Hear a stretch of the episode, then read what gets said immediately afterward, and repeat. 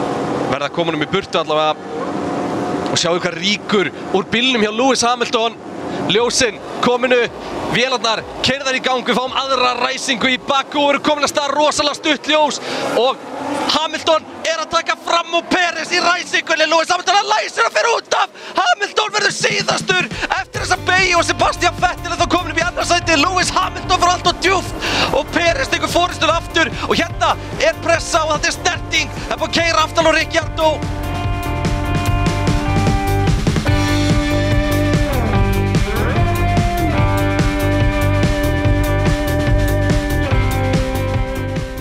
Jú, pitturinn hilsar eftir ansi, ansi viðbruríka helgi í Bakú. Ég bara veit ekkert hvað gerðist, hvað ég var að lýsa rallycrossi og rally og eitthvað. Það var formúla. Ætlum við sérst að taka núna hérna bara heilan þáttar sem ég segi er hvað gerist. Já, ég, nú ætla ég að haga mér bara eins og þú hagar þér í sögustundunum mínum. Ég ætla að vera bara svona, býtu, já, er það, já, gerðist það? en hvað segirðu, var, þetta- eh, gerðist eitthvað þarna? Þetta var áhugavert. Ok, býtu, segðu mér. Já, það var grein á brautinni.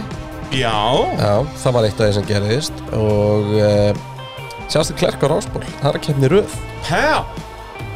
Og Já. fekk hann, fekk hann að byrja í þetta skiptið? Hann fekk að byrja þetta skiptið. Nú ætla ég hægt að vera heimskíka, en þetta var geggjukeppni. Alveg gjössanlega. Bara, Og bara öll helgin. Sko, Já. þetta náttúrulega byrjaði ógeðslega astnalega. Það var ógeðslega astnalegt fyrir mig að mæta og uh, sko vera hann á æfingunum, einn, því að það vantaði einhvern rasaus. vantaði brallan Og uh, það eina sem ég var að lýsa voru bílar að bakka.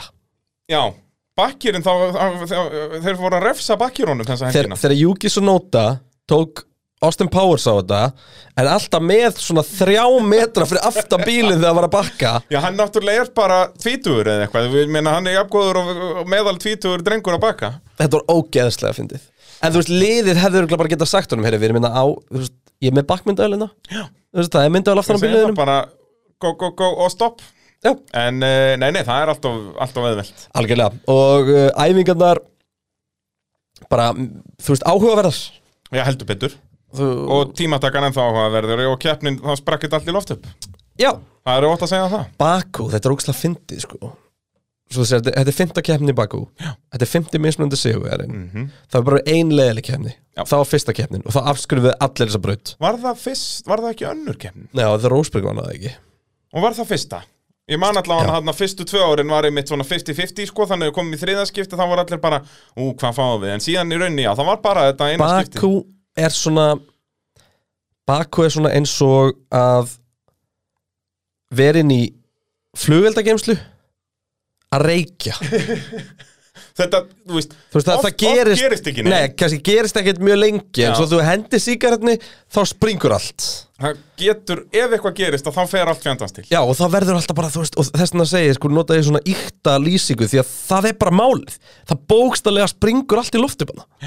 Heldur Petur, Peturinn að sjálfsögur tekin upp í Nóa Sirius stúdíói podcastaðurinnar og er það verkvara Salan Ólís og Bónstofan sem er að styrkja þetta frábæra podcast. Mikið rétt, og takk fyrir síðast, allir sem mættu á uh, pubkvössið. Heyrðu, já, Minna svo. takk fyrir öll skotin, en það er að nusa. Já, við vorum orðin ansið þóklumeldir þarna í andan, sko, Þegar- og gerðum fátt annað en að tala onni hvort annan, eh, hef ég heyrt. Já, já, já, já, við hérna, við gerum þetta að mótni til næst. Það er alltaf þegar fólk ætlar að vera svona gott við okkur, þá, þú veist, og, Það og, er alveg hægt að skjóta sig í gang bara í brönn, sko, það er ekkert vandamál. já, ég, þú veist, ég er ekki aðdáandi, sko. en þú veist, en svo svona þegar ég byrja að segja, nei, nei, nei, nei, nei, nei, hvað gerir Brian þá? Þá bara, þá var það vodkin. Nei, og þú veist, og þegar ég afþakkaði það, hvað Já. gerist þá aftur? Þá uh, held ég þessu öllu á niður. Byrjaði að tjanta? Já, ég, ég gerði það ábygglega svona 14 sinnum, þannig ég ætla ekki að gera það núna. Nei, og Það ég er eigum það rosalega bara til í að sleppa það við það. Þetta sko, þetta verður að vera einhvern tíman refsing, sko, einhvern, næ- einhvern tíman ef við eigum það skilið að vera drullað yfir okkur, að þá þurfum við að byrta þennan, sko, þetta við tókum þetta allt upp, þetta ég er búin að læsa þetta inn í ská og ætla aldrei að hlusta á þetta, því að þetta er, þetta er ekki, þetta er agalegt, sko. En ef að þú hlustandi góður þart að eh, láta bóna hefur bílinn eða þrývan eða eh, já, hvað eina, hvort sem aðeins í innan eða utan að þá skaltu skottast upp í bónstofu og þar taka þér vel á mótið þér með dótótjúsin og eh, löðrandi léttir. Já, Það er ótt að segja það. Eh, Ég er að kveldskýta, er ekki með söguhóttnum Bakku þó að já, enda ég saga Bakku ekkert uh, sérstaklega, sérstaklega góð. árið 2017. Já, en þú veist, þá kannski kem ég á, því, á ég það inni á næsta ári, sko. Út af þá verðum við ein, einu ári ríkari í sögunum Já, og uh, minna, margt búið að gerast hérna, kynum tíðina En allavega, þú veist, bakhauði brókslega skemmtileg keppni og þér er fyrirgefið Það var mikið að gera hjá brallunum þessa Já, helgina bara ótrúlegt en satt er brallin að- að lifta litla fingri hérna alveg heila helgi Já, báða dagana Húf, já og fös Og föss Já, Já, rallið byrjaði náttúrulega á fös já, já. Herðu, en við ætlum að tala um Formule 1 uh, Eigum við ekki bara að byrja sko, við erum náttúrulega fengum sko endalausta spurningum á Facebook já, og uh, þessi þáttur verður eiginlega bara að svara spurningum já, það verður bara Q&A en Já. við fýlum það En sko, eitt skemmtilegt uh, Fía náttúrulega prófaði hvernig sprettkeppnir kemur út Mhm. í baku Og prófaði þannig að tveggja hringi útfæsluna Já. Sem var mjög skemmtileg Það er bara veitla Það var eiginlega bara ógeðslega Þetta er bara besta ákvörðinu sem ég nokkuð tíma vitað um að hendi í rautflagg í staðan fyrir að klára fyrir þetta nörgisbíl Já, ógstlega áhugavert, ég, hérna, ég las við ítalið Mega Masi, keppnstjóra sem að þeir eru nú búin að fá ansa mikið last á sig eftir þessa keppni uh, Nákvæmlega um þetta, þú veist, af hverju, af hverju restu þér aftur og, og ég til dæmis þegar kom rauðaflaggi út, þá var ég bara, já, ok, keppni er bara búin þú veist, það eru fjóri ringir eftir eða eitthvað, þrý ringir eftir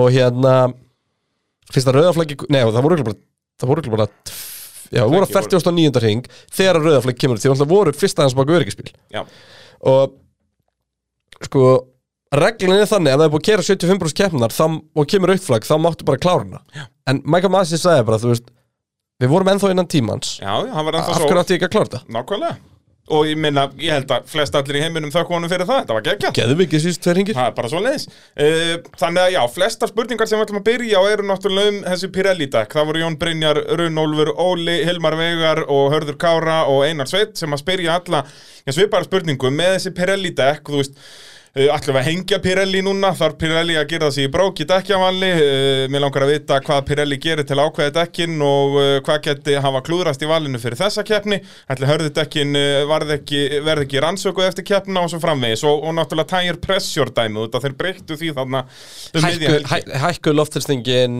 uh, eftir var ekki bara förstaskvöldinu? Eh, Þeir- þeir jú, mega það, ja, sko. sem sagt, Það var allan að fyrir tímatökur, kannski var það fyrir Já, FB3 hva- ég held að það hafi verið fyrir FP3 frekar Geti verið Ég bara maður ekki uh, þar sem er sérst taka lámars þrýsting í afturhjólunum upp um 1 pund Já. og 1920 og ástæðan fyrir gerðið var til að reyna að losna við þetta Já, það var ekki gert til þess að reyna að það var öryggis þetta var öryggistæmi sko um, dekk sem eru of mjúk slitna of mikið rétt eins og dekk sem eru of hörð sko Og hvað var vandamálið þarna? Sest, hörðudekkin, þ- eins og bara Williams ætluðu að gera, þeir settu, fórum með Russell inn bara á fyrsta ring og var það ekki Okkon líka, Mhm. eða Giovanazzi og Giovanazzi sem fóru inn bara á fyrsta ring og ætluðu bara að klára keppnin á hörðudekkjunum. Já. Og, og það, sem sagt, Pirelli var búið að gefa þú út að hörðudekkin gætu basically farið Já, ég meina, Race distance. Pirelli fyrirfram segja bara að, að dekkin munu bara þú veist, þeir gáðu bara út strækitinu fyrirfram og þá bara inn á einmitt þarna, 12 til 18 ringi eða eitthvað og svo bara klára að kemna En uh, svo fór skíturinn í viftuna, það er óvægt að segja það.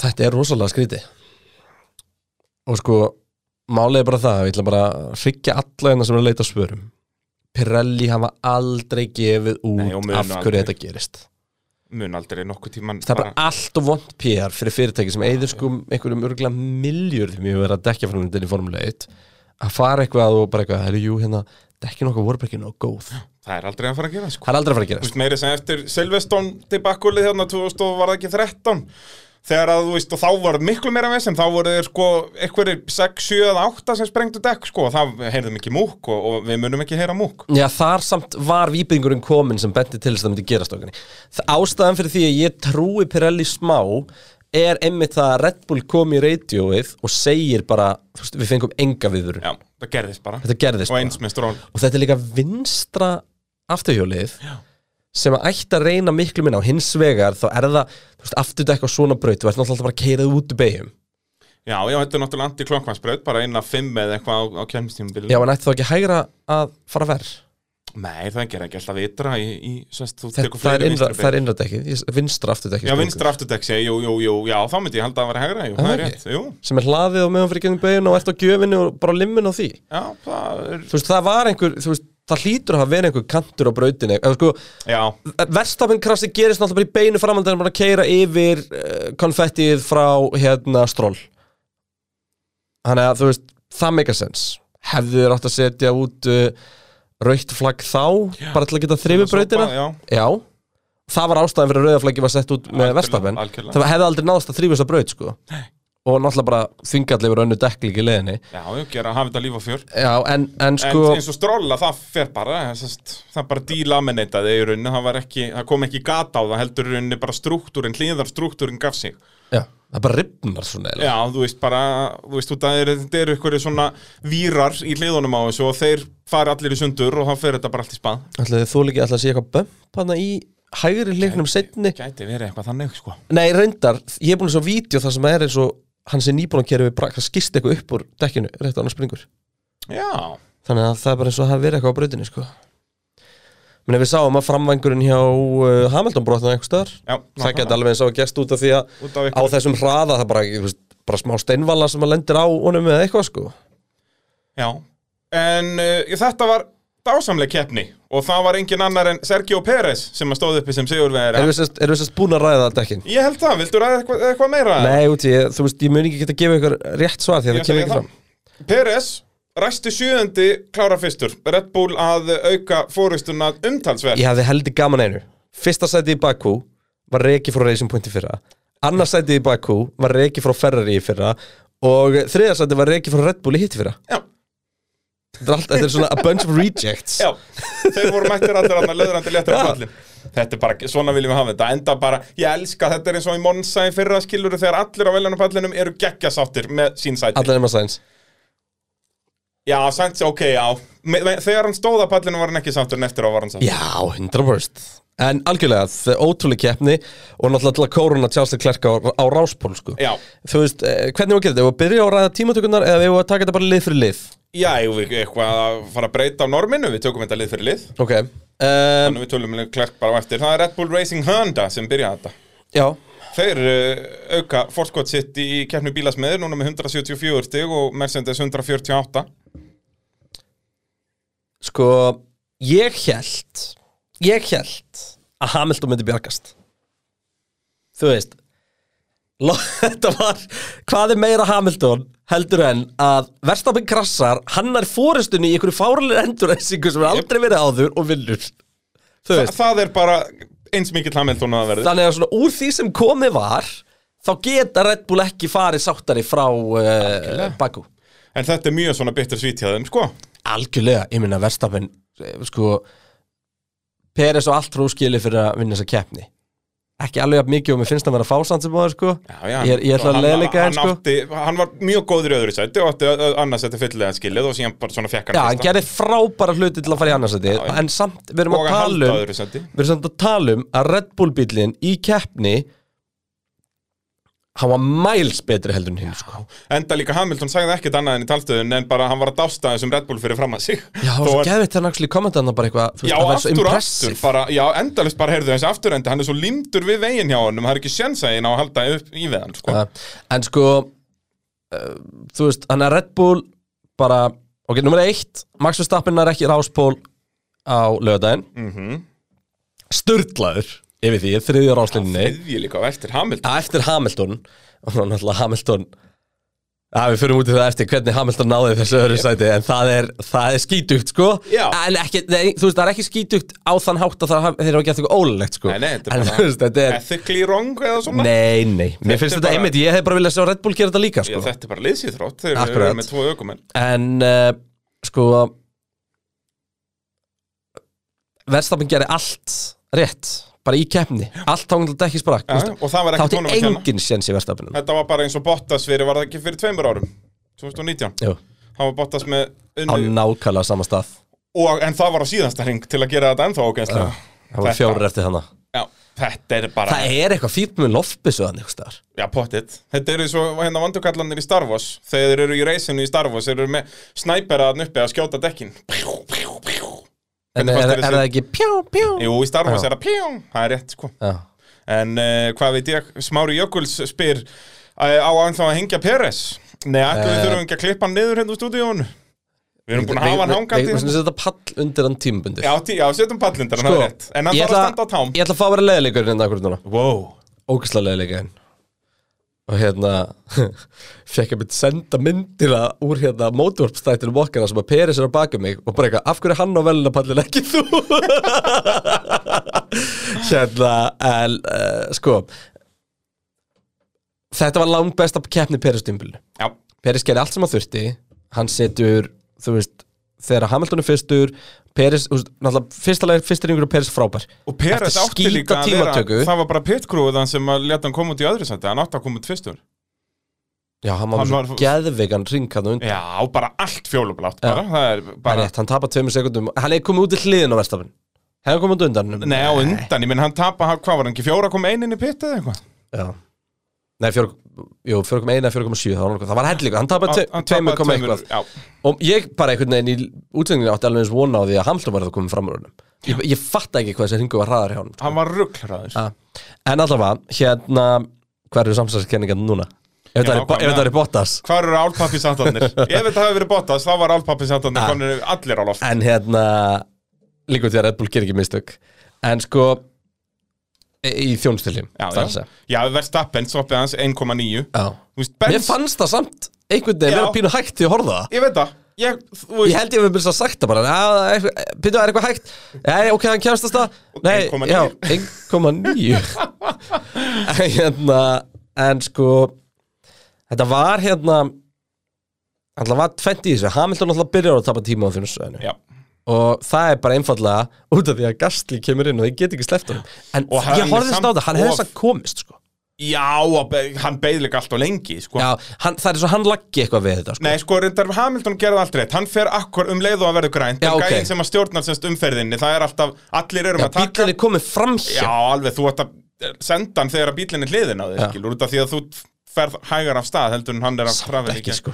Reyndar ekki 80 þegar komið langum leið Já, sko. sko. komin upp í 80 á Formule 1 bíl á, þú veist, 0,6 einhvern Einmitt, En hérna uh, Einar Hermann spyr uh, Er en Bræði við, ég, er ekki, ég er ekki búin að svara hvort það er hengja Peris Nú, já, ok Málið er það að sko, það var ekki að hengja Peris Þetta var besta keppnin hans hinga til Og hann gerði allt sem hann átti að gera Þú veist, hann var aðna, hann var í öðru sæti Hann, þú veist, einmitt hefði geta verið komin út Átti í að vera fyrsta fyrsta, já. já, en Verstapen var samt hraðari alveg klálega í Já, keppninni já, hann var sko. betur okkur maður, já, já og þannig að þú veist, hann var akkurat á staðinu sem hann átt að vera um, hann skildi verstapinn frá Hamilton ef að þess hefði þurft og svo þegar hann þurfti þá gæti hann gefið því og haldið Hamilton fyrir aftan sig bara hérna og klára kemna í visssæti léleg ræsing í endurræsingunni en það ge- kom ekki að sög og tilfinningin því ég horfði á Peres það er kannski munun að ég horfa á Görun svo Albon og svo Görun svo Peres en það að ég var einhvern veginn ekki að býða eftir að hann gerði einhver mistök Já.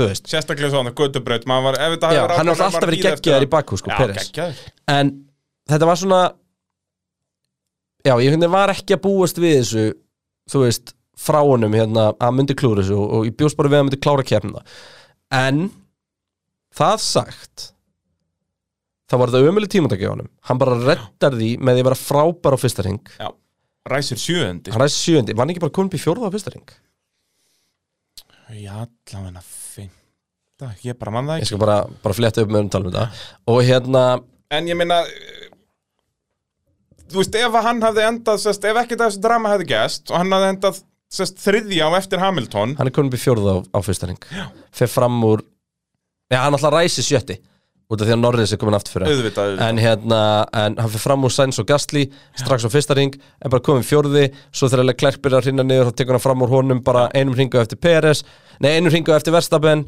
tekur fram úr uh, Hamilton þannig að síðan þegar Hamilton tekur þjónustu lið og næra að halda þessu Já, þannig að þú veist, hann var alltaf bara einum ringu eftir uh, Verstapen að fara fram úr, líka fram úr Fettel og eitthvað svona út þannig að þú veist já, æ, ég- ég einhvern veginn bara þú veist, þetta, hann gerði allt sem hann þurfti Já, en ég meina, Hann ég, ég gerði myndi segja svona- að hann hafði gert aðeins meira en hann þurfti, þú veist, eins og það sem ég var að fara að segja er að ef, hann, ef ekkert að draman hefði gæst og hann hafði endað þriðja á eftir Hamilton, ef Hamilton hefði komist upp fyrir hann, já, þá væri ég samt að hrósa honum, og þá var hann, að, ge- þá var hann á pari, skiluru. já, en hann held Hamilton fyrir aftur sig, en málið er bara það málið er bara Það það, var yfir pari, sko. en málið er bara það message bíl hans að Hamilton var ógeðislega lélur þess að helgina, Já, já. þú veist, og hann var ekkert eitthvað ógeðislega, ég myndi að þau sá Bottas En ég meina, þú veist, Peres gerði allt sem hann þurfti. Það er al- já, algjörlega, en, við, se- en við setjum point, kott pointi undir hann. mitt er Ég skil hvað þú meinar. þú veist, hann er ekkert að stimpla sig, mig, sig inn hjá mér sem eitthvað er, já, nú er bara Peres að vera að vinna fyllt að keppnum Nei, alls ekki, en, veist. en vonandi getur hann fara að byr, gera meira af Já, því já, ég að meina, gera- hann er komin upp í þriðasæti hinsvæstara keppni, sko Já, já, það, er- þar sem hann á að vera, hann og Bottas eiga að vera að berjast þar Já. Þannig að hann er akkurat núna þá er hann búin að gera rétt já, Já, já, og, það, búin að, þetta hefur borgað sér fyrir Red Bull eins og staðan núna og, svona, og, og eins og eins og þetta var allt saman núna þá þú veist nýðan sem við en bara pointið mitt var hefði Gasly ekki gert það sama, hefði Albon ekki gert það sama veit það ekki, Hugsanlega. veit það ekki Veit það ekki, Einar Hermann spyr Er Bragi farin að skipilegja mexikoska grillveslu þar sem verður bóðið upp og grillað að þýska sokka til að tróða upp í mannskapin Já, ég held að Ó. þetta er að mæta svangur allavega Já, heldur betur, það þarf að fara að tróða þessu vel upp í brallan sko. ha, Það er óvægt að segja það Uh, Robert Ört spyr, er Peres að standa undir væntingu? Við vorum að svara því, uh, já, hann er akkurat að standa, eða, sest, þetta, er, þetta lítur vel út fyrir Red Bull eins og staðan núna Já. En svo þú veist, eins og Paul Ricard dreif leiðileg braut, en það er svona, ekta svona testingbraut, þar munum við læra mjög mikið sko. já, þar verður bara hraðin, bara basic hraðin sko. Bara hver er á, þurfum við, Besti bíllinn. hvað þau var að ræða, sko það sem að ein ástæðan fyrir að Red Bull gæt unnið um helgina svona einfalt og í keppni sem að er svo skrítið síðan að springi hjá Verstapen er að og svona samkvæmt öllu ætti, ætti Red Bull bílinn að hann verið að fara best með dekkin því að Red Bull gæt verið með meiri væng heldur en allir hinnir já, sem að sko meiður og smá í tímatökum mm, en þýðir að dekkin endast miklu lengur í keppni og þú veist Hamilton reynda var með ágætlega mikið vang líka en, en, en sko en Red Bull bílinn var bara miklu miklu hraðari sko. algjörlega, Ba- bara með yfirbyrða betri, bara eins og í Monaco já, nema þar skiptið ekki jafn miklu máli eins og fyrir ferri jú, ég meina, Max Verstappen stakk sæns alltaf af þegar hann þurfti sko, Já. þar erum við þá búin að ræða Red Bull, ég meina, Já, þú það veist, við þurfum við að förum ræða að- eitthvað meira Ræða bara Mercedes já, við kom spurningum vangjamáli við kannski tökum það bara allt í einni og eftir Já. því að það tengist þeim svo mikið Já, já, það núna með Mercedes eða eitthvað. Þeir eru allavega í öðru sætt í kefni bílasmiða með 148 stig. Er það þarna, hvað voru þetta? Voru ekki þrjú stig á millið eða eitthvað fyrir kefnina og núna náttúrulega fóru það í uh, tu- bættist 25 við í rauninni. Mercedes stiga Já. lausir í Spáðu þessari því. kefni. Bara í fyrsta skipti sko síðan, hvað var það, Austuríki 2018 eða eitthvað? Nei, það er, er þetta ekki fyrst kitt sem að Hamilton skorur ekki stig fyrir nau- síðan Austuríki 2018? Eða var það bara í fyrst kitt sem að hann var- klára var í fyr- keppni? Hann var, í fyrsta, hann var búin að fara 54 keppnir með stig. Það er þá 2018 örgla. Nei, ekki 2018, Nei. það eru 20 keppnir á tímabili. Þetta er allavega, þá er þetta síðan, Er það einmitt, ekki þá er þetta bara- einmitt síðan þá eða eitthvað, eða, að- að- ég last allavega, síðan 2018, þá er það- þetta er fyrsta skipti sem að hann klára keppni ekki stegasæti, eða eitthvað já, þannig. já. Hann, er, hann hefur verið í stigasændi núna í 54 keppnir röð þangundur núna Já. En það sem er, voru sem er náttúrulega bara, meta sjálfsögðu það eru örgla bara 2018, þegar það voru alltaf bara svo fáa Já, keppni gæti- 2020. 2020, já það er rétt já, það er bara þetta þarna. sé ekki Það bara er bara þarna þarna. Östuríki þegar við Já. erum sprakk hjá honum Það er bara síðast sem að Hamilton skora ekki stig út af dömurnar Hamilton hennar. meira að segja í hokkjana með ruglinu og þá endaði hann samt áttundi eða eitthvað hann á 2019 í rekkeppninni 2019 í hokkjana Já. þó að hann skilur að hann var hann tvær mínútur inn á þjónustusvæðinu og allt að þá samt náðan að vinna sig upp í áttunda Já. að hann er alltaf í stegum aðurinn en ekki núna, endaði 15. og uh, já, ef við byrjum kannski á Bottas uh, þar erum við með fullt af spurningum Þorstedt Magnússon, Ívar Andri, Jóhannes Felix Jóhannes Rúnar og Haldur Fannberg uh, eru svona að spyrja um basically þetta sama, þú veist, er Bottas búinn á hann að fara til Williams og George Russell að koma upp uh, komin he- tími á hengingu á Bottas uh, Eh, er laust á vegnum sem þið eh, hengið ökumenn og ef svo er þá þarf að hengja Bottas da, da, da, da, da. Maður sjá. Já, Já, við nú erum alveg með pláss ágætis fyrir pláss. tvo, Já, þrjá í viðbót já, eitthvað. Rikki Ardó og Peres, við erum búin að setja kollundi Peres og, og Rikki Ardó erum við ennþá svona að- Okkur þykir bara vænt um Já, okkur þykir á vendum hann, það er leiðilegt að sjá hann hann en uh, hann er farin að lafa hann sem mikið hann. Þannig að, uh, já, er þetta búið hjá Bottas eða? Hvað er að frétta þannig? Nei. Ok, þá Bottas, erum við búin að tala um Bottas Bottas var fórnað af Mercedes um helgina. Já, og þá nú ertu að ætli- venda laðalega að tala um tímatökuna Nei, þú þarft að vera með sama setup í kefni, sko. Hérna, um, ef að fara í tæknilegar útskýringar. Ég ætla Já, aðeins að ræða til bara, þess eru ég ætla bara aðeins að ræða tæknilegar útskýringar uh, hérna, Ég ætla að halla mér aftur meðan þú já, gerir það. því að þetta er skemmtilegt. Og, ok, Mercedes mætti Bakú og þeir eru ógæðislega lélir í FP1-um. Þeir eru ógæðislega lélir í FP2-um. Þannig að... bara Bottas var að berjast við Williams annar sko. Já, þannig að það sem gerist er að uh, bara svona mission control bara heima í braklei tekur yfir sérst, prógramið og uh, Mercedes lið fær bara já, fær bara checklista frá braklei og sá checklisti innihjalt prufanir sem að message-liðið átti að gera í FP3 þannig að message-liðið, bæði bótt og samhaldun fóru bara út og gerðu nákvæmlega það sem að bara Beckett Base voru að byggja það sem að þeir voru að gera var það að þeir voru að sapna alls konar pröfunum til að bera þeir saman við niðurstöðu sem voru, þeir voru að fá úr herminum í brakli og síðan kom bara tölvupóstur og Toto Wolf væntanlega bara tilbaka bara gerði þetta, þetta, þetta, Já. þetta og ég er að rifja upp núna að þegar að tímatakan byrjar þá lappa Valtteri Bottas Lewis Hamilton, Toto Wolff og hérna Bono og James og Sigar top 5 svona bossarnir hjá, eð, nei, top 3 bossarnir báði tæknistjórarnir og Strakiti stjórinn og, og, og Toto og svo Hamilton og Bottas út úr skrifstofu Toto Wolff þá eru þeir bara búin að vera þarna þar, neða, og þar var líklegast þegar að segja Bottas hvernig helgin hans myndi vera Já. því að Hamilton er mjög sáttar að labba það nú heldur en Bottas sko. Já. og það sem að sem sagt, Mercedes liði gerir er að þeir senda þá út með mismikinn afturvæng Já. og maður sér þetta alveg Já. greinilega munur á afturvengum það Bottas- annar þeirra er í rauninni bara með einfalt svona plain á Já. honum og hinn er með tvöfalt Bottas með miklu minni afturvæng Hamilton með miklu meiri Það sem þetta myndi þýða væri að tíma þeirra er að væri svipaðir í brautinni nema Hamilton fóði kjölsokk Já. Þannig að Bottas var fórnað til að draga Hamilton ringið þar sem að Hamilton dra- græðir örglega svona 0,8 því hann er með það mikið vænga hann er að græða svo mikið beinikaflin þarna er, hvað er þetta, 2 kilometrar? 2,2 2,2.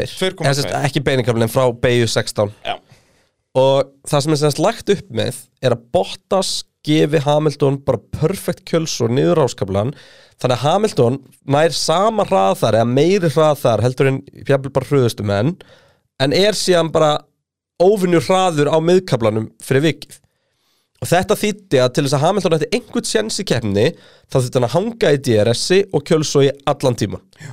sem hann gerði mjög vel og sem er auðvitað ástæðan fyrir því að Peres pakkaði hann já, því að þá er hann dottin úti akkurat Um leið og hann dættur út að þá Já, Virkilega. því að það sem gerist og það sem gerist hjá Bottas í keppninni er að sko, þú getur alveg lifað af með rosalega lítinn vang á miðkablanum þessa tvo tímatökur hingi sem þú tekur á splunkunni um dekkja en þegar gripið er farið úr dekkjunum þá byrjar að slíta þeim svo hratt og þú fokkar þeim upp Já, já, þá verður bara eins og belja á svelli þannig að Bottas var bara fórnað á alltari Lewis Hamilton Það, vá, vá, hvað þetta var fallega orða Þetta var bara mér leið eins og ég var komin í kirkju en já, það er svo mikið voru að fórna á alltari Já, það er, ég hefur aldrei farið í kirkju það er alveg langt síðan ha, Þetta var bara í fermingunni á mér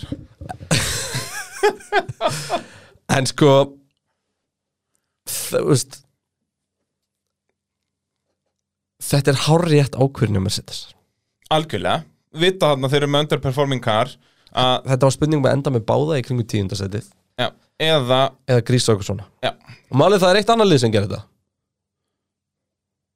Það er þetta Ferrari Já. Og settu Charles Klerk á ráspól Nefn að Charles Klerk í staðin fyrir að fórna liðsfélaganum En basically þú, það er sama ástæðan Það er sama ástæðan fyrir að Charles Klerk fór á ráspól Hann með ógeisla lítið downforce Sem þýtti að dekkinum svo líka bara ónýtt á fjórum hringjum í keppninni sko. já Og náttúrulega er Ferrarín eins og við séð að hann er ekki með gott race pace ofan á það að, þriði, þriðasæti í stegi að kemna bílismiða Já, algjörlega, en þeir eru samt ekki með gott race pace það er að koma Það er að koma, það er rétt, það er rétt um, þannig að Benz er unnur áttu þess á að beinukaflinin væri bara veikleikin Og- Þannig að þetta var í rauninni Bottas þó að nátti ekkert góða helgi þannig síðan það var aðalega liðið sem var að hjálpa honum Tóto í- Wolf er ekki að fara að koma í fjölmjölu núna og segja Bottas sökkaði um helgina Þú veist. en það kláraði hann fyrir framann Hamilton Já, nákvæmlega, vann liðsfélaga sinn, það er ekki oft sem hann gerir það Nei. Það er bara, en þannig að þetta ætti að útskýra fyrir ykkur Valtteri Bottas og ég heldur þurfum ekki að ræða meira því að hann, Nei. þú veist, hann gerði ekkert af sér í keppni Nei, hann var nei, ekki að hann fara bara út af keyrði. henni eitt hann bara kerði en bara hann, þú veist, dekkin voru bara ónýtt allan Nei, bara tíman og gerði bílinn var ekki ógslag hægur og hann var bara að vonast leikum myndi dett út hefur líkuð bara betra að láta hann leggja og spara mótorinn sko. já bara í alveg Já, ég meina hann fekk, hefði fengið jafnmörg stig Já, og mestallið er mikið jafnmörg stig Nákvæmlega uh, Eigum við að fara að tala um bremsutöfra Ég sko, ég ætla fyrst að tala um töfra Lewis Hamilton því að það þurfti alveg töfra samt sem að ætla að koma sem bíl í annars sko. Já, þótt hann hafi fengið þarna þetta kjölsug en bara Mercedes bílinn þessa helgina var ömulur og eitt, en aðal ástæðan fyrir því er bara að Benz er ekki að takast að hita dekkin Já. og, en það sem var reynda mjög steikt var eins og Bottas talaði um eftir æfingarnar og kemna og eitthvað um dóta þú veist, hann á yfirborðshýði dekksins var svo sami og hjálfur samt en engin, engin leið að mæla gúmið allt Já, já. svo bara mæli yfirbórsitan svo er þau með sensora á felgunum eða eitthvað til að fylgjast með innanfrá en þú veist aldrei hvað gúmið sem er drullu þygt var, tal, var ekki verið að tala um að, hérna, að skurðurinn í dekkjun hans Hamilton hefur verið 6-7 cm á dýft E- e- Á dýft? Já, þetta var umtalið bara umræðin Það Hvað, bíddu, er hlýtur nú þetta- bara að vera að tala um 67 cm Ja, langur það- Er þetta, er þetta liftaradekk? Er þetta svolít? Er ekkert loft í þessu? Er þetta bara svolít gumi? Ég er nefnilega skildi ekki sko Nei, Ég hef aldrei ja, spáð í þessu Það það er ekki, sex- ekki 5-6 cm á dýft Þú veist, ég myndi halda að gúmi eins og að röpperið er kannski svona tomma Já, því þetta er 67 og svo komin í striga þá var í bílum bara líka að dragast þetta í jörðinni sko Já, ég myndi að þetta er ekki liftaradekk undir þessu, sko Þetta er, það er, það er Það loft í hlýtur að hafa dekkunum. verið lengdir á Já, skurðurinn hlýtur að vera, það er ekki Eða 67 mm Og líka miða við hvað þetta er létt dekk Ég myndi að þetta er ekki sex, þú veist, þú liftir þessu upp með litlafingri, sko Með áfelgu sko Já, ég veit að felgan er náttúrulega bara það þarf að- að akkera hana niður, annars flýgur hún bara í loftið Já, Þetta er bara svona, svona já, heliumbláða þetta er bara rögl Ok, ok En hérna, já, Hamilton geggjaður og, og þetta leit vel út þarna í enduræsinguna, hann var komin upp að hlið PRS og, og á innri línunni. Ég, Hann bara náttan inn í fyrstu byggði En hvað gerist þarna, Christian? Sko, Hamilton rekur sig eins og ég skil bara í gírskiptingu eftir startið í svo kallan break magic takka sem að eh, ég gerir það að verkum að hann l- bara læsir öllu og fer hann áfram og eh, eins og við heyrðum hann í, í startinu og eh, já hvað hvernig þetta gerist er mér óskilinlegt en Sjöfald meina shit, heimsmeistari. shit happens og uh, en semast, fyrir þá sem ekki vita þá er Break Magic takkin um, semast, takki sem að í raun og veru þú getur alltaf stilt bremsu hlutföllinu sem er svo kallan break bias Mhm. það er að segja hversu mikill þrýstingu fyrir á frambremsinu og hversu mikill þrýstingu fyrir afturbremsinu þegar þú bremsar í flestum kapparspilum ertu með svona bilinu 51 til 54% framann Ekki meira? nei ekki mikið meina það Ég held að þetta veri 60-40 eða 70-30 jafnvel. það er aðeins meira í formuleitt út í- með vélabremsunum aftan Já. En veist, ég meina ef þú ert 50 með, er sko, það basically bara 50-50, já. nei 55% og 45% er hellingsmunur sko Já, já. 60% þú ert verið að læsa alltaf sko Ok, já, ég bara... allavega þú veist í vissi- þeim bílum sem ég er með reynslaf Ok, og en sérst, það sem að gerist þarna er það að á uppbyrnarhingnum þá hittar aftdekkin með því að gefa í og, og spóla en þú hittar framdekkin með því að bremsa og, og svona sveigja og þá Og- ertu bara með stilt á þetta, þannig að þú ert alltaf í bara einhverju svona ákveðni Já. bremsu. Nei, þá setur þú bara, þú veist, Break Magic, ég ég veit ekki hvað nákvæmlega það er hjá þeim Ábyggilega En það er svona eitthvað svona, já, 80-20 eða eitthvað. 75 til 85% af framann Og þetta er bara að nota, þú veist, takk eftir því þegar að koma sko síðustu metrana af boxinu sinu þegar að fara að starta Þá bremsa þeir, spóla smá, bremsa, Mhm. spóla smá, bremsa, spóla smá Það er, þá eru þeir að nota þetta Já, já. Svo bara leggur Og þetta sást það líka Slekkur- rauk úr bremsunum. Já, það var, sem var, ég held, ég held fyrst að það er bilun út af því, sko Og hérna, slekkur á þessu Mhm. Og svo Bara setur lönnsmót bara setur í landsmót og hann fer bara í þetta sem þú er búin að velja fyrirfram 52% eða Jep. whatever en í ræsingunni þá rekur hann sig hann takka sem að því það þannig að kemur hann í fyrstu beigju þá er bara 75, 80, 85% bremsukraftur af framann þannig að þegar hann neglir jafn fast og hann er vanur að negla pluss þannig að hann er að bremsa seint til að fara fram úr PRS þá læsist bara allt rastlið Jep. Og hann getur ekkert gert, það er bara Nei, hann getur b- bremsað minna og þá, þú veist, hann er aldrei að fara að ná þessari beigju meðan hann breakmagic taka á, sko ekki það er fræðilega bara nákvæmlega málið og uh, nokkri að spyrja hérna um þetta Anna Kristín og Andri Viðar bara, þú veist sjöfaldun uppsveistari, hvað kæftað er þetta? bara heilaklu, vá, veist, djúvillar Hamilton ónýtur þegar hann áttaði sig á þessu Jep. og þetta er svo lúðaleg mistök Þú veist, já og nei þetta er bara Jú, jú, jú, þetta er það Hann, hann er þó allan að mann, manneskja, það er gott að vita að hann er ekki eitthvað geimvera en þarna ég, ég bara þú veist, þetta var bara akkurat einhvern veginn sem ég sá fyrir mig gerast bara Hamilton, þetta er bara þetta heimsmeistra eðli í þessum gæja hann er alltaf réttum maður á réttum stað ég held að hann væri bara að fara, að fara fram úr Peres og stela sér, yep. og græða 25 stig á erkefjöndan en ég meina að þú veist fyrir heimsmeistra fyrir mótið maður húi já nema Red Bull sér bara komið fram úr en, en sko, það, því verður ekki svara fyrir eftir Póli Kart, ég persónulega er með minn pening á Hamilton það sko Já Við erum að fara að koma að staði í spátumskeppninu hvar við setjum penningan okkar já, Það er svolítið svo leiðis uh, Hvert erum við komin? Uh, Halldór Sigursson spyr uh, Er ég einum að finna Michael Masi Þetta er það sem við vorum að tala um áðan Keppnistólan hafa verið alltaf lengi að ákveða að senda öryggisbílun út eftir slissin hjá Stroll og Verstappen og er Hamilton ekki bara svona svakalega heiðarlegur í keppni að gera mistök eftir að eh, hans helsti keppinutur lendir í slissi bara svo hann græði ekki of mikið á áförum Verstappen Já Sko, nei, ég held nú að Hamilton sé ekki það heiðalög En sko, það er líka ekkert heiðalegt við það að gera mistök en... Já, bara gott fyrir Já, okkur gefum hann það bara En Gefum náttúrulega það bara. Michael Masi, hann hefði náttúrulega átt bara að hlusta á þig sko, út af því að þetta er eins og við vitum allt þér að kenna að Verstappen sprengdi. Er það mér að kenna? Já, já, hvað, viltu fá einhverja sannanir á því að? Já, hvað um, hva, hva þetta vitni ég Ekki gleyma því að uh, Lance Stroll eh, var ekki búinn að aka nema 30 ringi á dekkjunum sem að kveldsprungu hérna áðan Ég skil hvernig þú ert að fara með þetta Hörðudekkjunum sem að flestir eru á hérna núna og er að stefna á aka 40 og eh, um 40 ringi 37-40 ringi og þetta er Max Verstappen það er sprungi í hálum Max Verstappen úr fyrsta sætinu já hérna hér hvað gerist þarna Já, Þú ættir bara að skammast þín. já þú vilt meina þetta sem ég er að kenna Já, 100%, það er bara fyrir ykkur Max Verstappen andáðundur að þið getur bara, ég skal gefa ykkur heimilisfangi hjá Kristján og þið getur farið að setja skýr á húsið hans eða eitthvað. Já. Nei, ekkjan. Nei, ekki ekki alveg En Skýra fullt af prótein klósettpapír og eitthvað, það er ykkur tríðaðna, það er þetta uh, TP the place. Mann hefur alltaf langar til að gera það. Fylla pottilaði Já, getur ekki klikkað. Sko Já, þetta er sennilega besta dæmi um Commentator's Curse sem ég veiktum hann hendi í. Já, þetta er eh, allavega þetta er svona high point hjá þér hvað var að kommentator kvörs. Ég held það sko Það er svo leiðis. Aron Karl spyr kann Hamilton ekki En við keyra svöruðum samt ekki spurningunum með Masi En þú veist, það var skandal hvað hann setti Já, við- öryggspilin lengi út Það var Já. ein og hálf mínunda eftir þetta krass sem öryggspilin kom út tæp Það er, það er fáralegt. En sko. það þú Þetta er heyrðir í líka- stról Hann bara, þú stról situr í bílnum og bara, þú veist Út með rauðuflöggið, ég sit bara í þetta þú veist, Já, Hann já. bara heyri bara í bílnum bara, rum, rum, rum, Á þú veist. 300 km hraða fram í sér.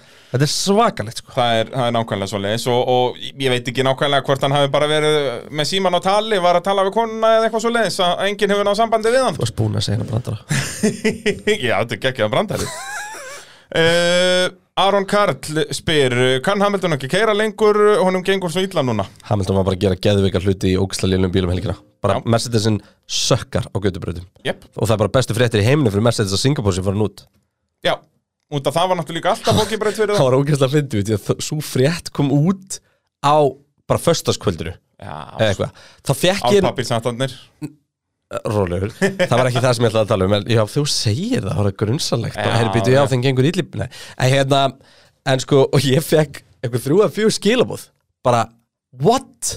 Þú veist, það voru svo margir sem held að væri búið að cancela Baku Já, bara á föstudegin ég sá bara mynda götubraut og bara, þú veist, föttuðu ekki Azerbaijan Singapúri, ég, sk ég skilði það vel sko. Já, já, þetta er bara eins og ég segi en mér göttur- finnst það leið, ég hef alltaf fílað Singapúr sko. Já, hún er kúl líka nætturreis, fyrsta nætturreisin náttúrulega Já, langt svalasta næturis Já, Miklu já, líka svalara geggjuð næturis borg bara. heldur en hérna heldur en Bara bara einn Já, og ég einhvern veginn upplifa Abu Dhabi ekki sem næturis Það er einhvern veginn allt Já. öðruvís en næturis Þarna er ég bara eitthvað, þú veist Þarna lífum bara þessi bara Þarna Tokyo stemmari. drift feelingur sko. ég segi það, það er bara nákvæmlega svo leiðis Ívar Óli spyr, eh, er með spurningu á mig Hafði Hamilton náð fyrsta sætun í endurræsingun ef hann hefði verið með uh, klakakælt bensín eins og íslensku dorfarinni e, Já, 100% Þetta er- þetta hafði- er hafði gott verið það. einhelti Þetta er mjög gott einhelti og ég ætla ekkert að útskýra Ég- þetta bara þeir sem það vita mætti- þetta, að þeir bara vita Þá þetta mætti ég jafnvel orða sér svo að þetta var í góð árás á þig Já, heyrðu, það, mæ- þetta er bara bein árás á mig, það er óvægt að segja það Djövill er að heyra þetta uh, Einar, Sigurður, Einar Sigurður spyr Ég dansaði á hljóð þegar Hamilton uh, klúðraði loksins einhverju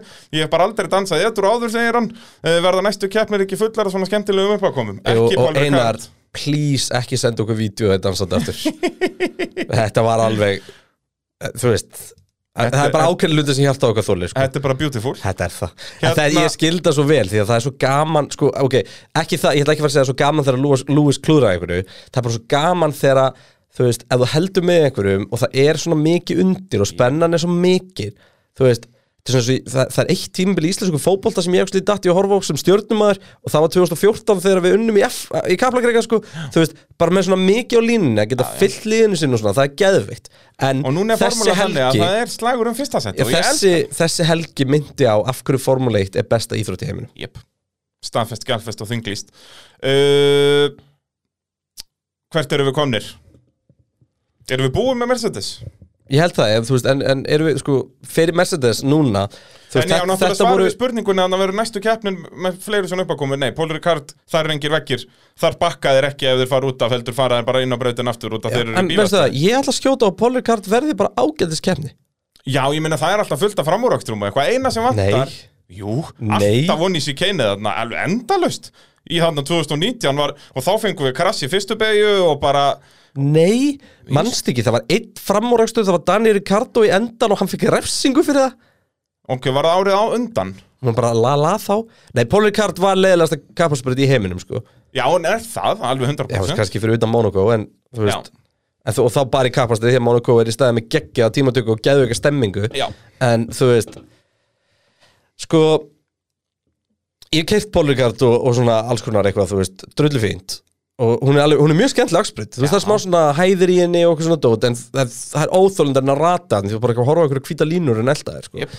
en hérna ég held bara að slagurinn sé bara það hellaður bæði um fyrsta sætið og um þriða sætið og nú er ég talað um stiga kynni bílasmiðan alltaf og svo allt í unur Aston Martin fann hann að geta eitthvað og Alfa Mhm. og Ferrari. Tauri heitir ég, ég, ég var búin að tala um það, það þriða sætið slagurinn Já. að þú veist, þetta bara geti vel orðið eitthvað og ég meina sko hérna, endurance keppnir hann verða oft algjört kaos, kröss og eitthvað vesen sko. Já, já. Já, hvað voru það ekki Bottas og Vettel sem fóru aðna saman? Var það 2019 eða 18? Var það ekki 19? Held það. Þegar Vettel klessir á Bottas í fyrstu beigju og, og þá vinna þeir sér báður upp, skilur. Þá var fullt af framúröksturum hjá þeim, en þetta er bara svo leiðilegir framúrökstarar. Það er bara langur beitt kablu að fara hún í sér keinið þarna. Bara bing, bara bing. ég, það var ógeðslega áhugaverð staðnend um Baku sérst 2019 að hérna það var 84, ég, ég er ekki búin að sjá tölfræð fyrir þessa keppni núna, en sérst fyrir hitti fyrir og til það er svo ógeðslega langa beitkabli sem er svo mikið framúrækstaður það voru sérst 84 framúrækstarar í braut í Baku árið 2019 bara 44% þeim voru DRS Já. Já, maður sáum það, þú veist, eins og Hamilton, hann tekur fram úr varðengilega klærk, ekki með DRS. Það var svo... Já, snemma. þú meina það, það var svo mikið framröxtum í enduræsingum náttúrulega Já, Þá, og bara, já, sem sagt, jú, út af því það, að- það munar, það eru eitthvað tíu Styttrými er svo tvisvar mikið, sko. Þó að þú sért ekki með DRS opið Já. sko. og það er svo mikið framröxtum á fyrstu þremuringunum sko. uh, en Mér segðu fannst það að svo DRS-i væri aldrei að fara að opna sig, ringurinn er svo langur Já, já, Það er úrslega fyndi hérna, segðu mér uh, hvaða lið þarf að fara að skella sér upp í verkværasölu og fá sér aðeins betur verkværi út af þeir kvelds geta á sig í, í pitstoppunum Við erum alltaf með þetta pit crew fail helgarinnar í, í bóði verkværasölunar Verðum við ekki, sko, ég kom með þá uppastundu bara uppastungu Red Bull, sko, þá að enda það var skipt ekki neinu máli út af því að sérst, þeir eru lengi með Peres En Peres náttúrulega vann, þannig að hver er mér ekki slétt? Ætlaði sé ekki bara Pirelli sem þurfa einhver, einhver gæða verkværi til að redda þessum dekkjum hjá sér. Bara gott teip, Hitamæli kannski? hitamæli, teip. Sko, hérna uh, eh, Leclerc geti þurft uh, sóp, Já, losna við grein, við útskýrum það þetta smástund já.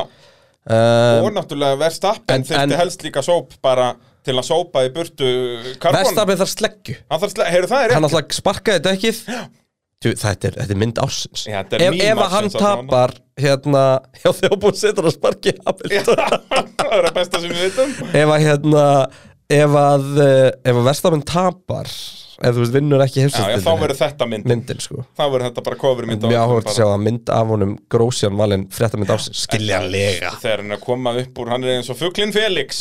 Hann koma úr eldinum. Fuglin Felix Já, já. Okkar maður á vettvangi.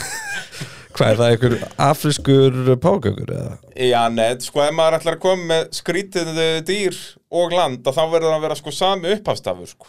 þannig að það er skiluru vestur þú varst að meina fuglin, allar ekki ekki örugglega að segja fuglin Fönix samt Jú, jú, Já, en ok. skilur þetta er Jón Gnarskrín þannig að uh, við höfum það ekki nei, nei, já En uh, verkværasalan að sjálfsögðu að uh, spons okkur í, í pitnum uh, löðrandi léttir á bárunni eitt lið sem hefur greinlega farið í verkefnsunna sem eru, hvað, hinn, hinn helmingurinn að Red Bull og það voru svo hraðir með Verstappen Nei, Viljámsliðið Já, Skiptu mótor sem að springur í endan á FP3 Það var og, velgjert og slapp til, hann náði að mæti í tímatökur Já, rauðaflagi hjálpaði Jep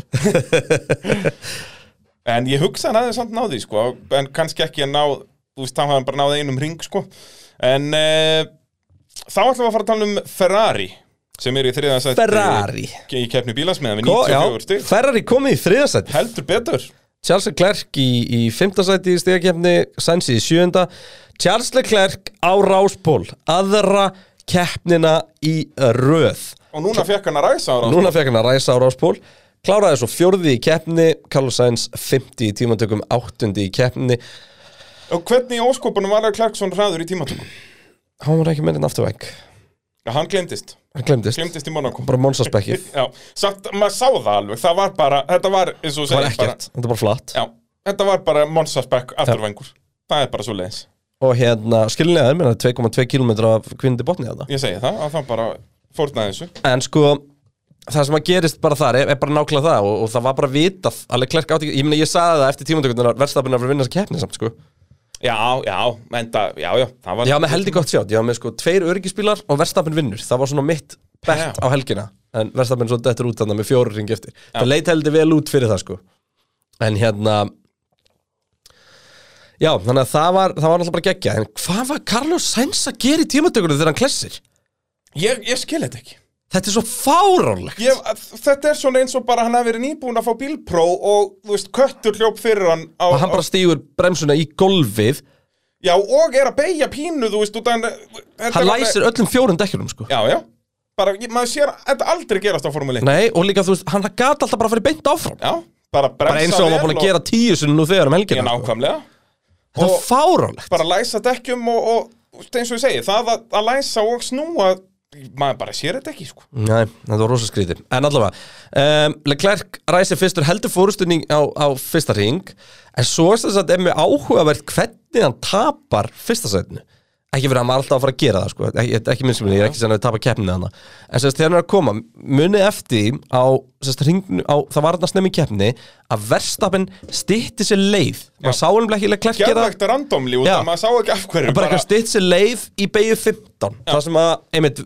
verðstafinn krassaði í tímatökum, nei, hérna í æfingum og bæði uh, Stroll og Giovanazzi krössu í, í hérna tímatökurum Já, að hann er að stitt sér leið en sérst, það sem ge- var málið var að það var einhver grein komin inn á vegin og þess vegna er ég að segja að Leclerc þurfi sóp já, en sko, það er sérst komin grein inn á brautina af einhverju tríðan út að Já. tríðan að ná alveg yfir brautina Já. Brautin eftir alla helgina var líka bara almennt skítu Já, þið- Það og voru sko- bref og drasl bara út um alla braut Já og sko, og, og efforti sem var samt sett í að þrýfa hana, það voru svona 6 landkrúsi 200 jeppar sem óguðan um að draga einhverja mottur eftir sér, Já, já, einhver persónsk teppi bara, já, já, það- getur ekki klinkað ógeðslega fyndið og lappar inn um hliðið, það var svona teppi, sérst það sem aukumöndi koma, svona teppi á vegnum, bara svona stoltið. Já, já, Azerbaijan, uh, löðrandi letir í Ja, þessu en sko, og þetta, þetta er ógeðslega áhugavert, því að, sérst, Leclerc er svo hrættur um að fara refsingu, hann gefur aðeins eftir. Já.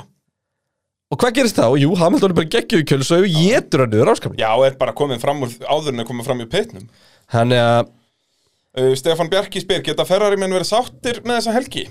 já, ráspól og fjórðasæti. Já, fjórða og áttunda og eru komnir upp í þriðasetti Ég held, og þú veist, voru að græða alveg góð stegum að klára Sæns átt að vera bara næstur eftirlega klerk en hann alltaf bara fokkaði upp í keppni hann að keira hann út á þar að bakka og er bara að vinna svo upp allar keppni, bara velgjart að komast aftur í stíð stíð hann var komin út stígunum sko Já, alveg vel út úr stíðum, sko Já. Og en nær að vinna sann upp í áttunda En gerir hann, já, mjög klaufali mistök út af eins og þú segir, hann átt að enda fyndið hann Já. En í staðin nær Norris að að ná því sætti Norris er alltaf bara mættur hann Ég var þá að tala um Norris, McLaren Mercedes hversu solid er hann?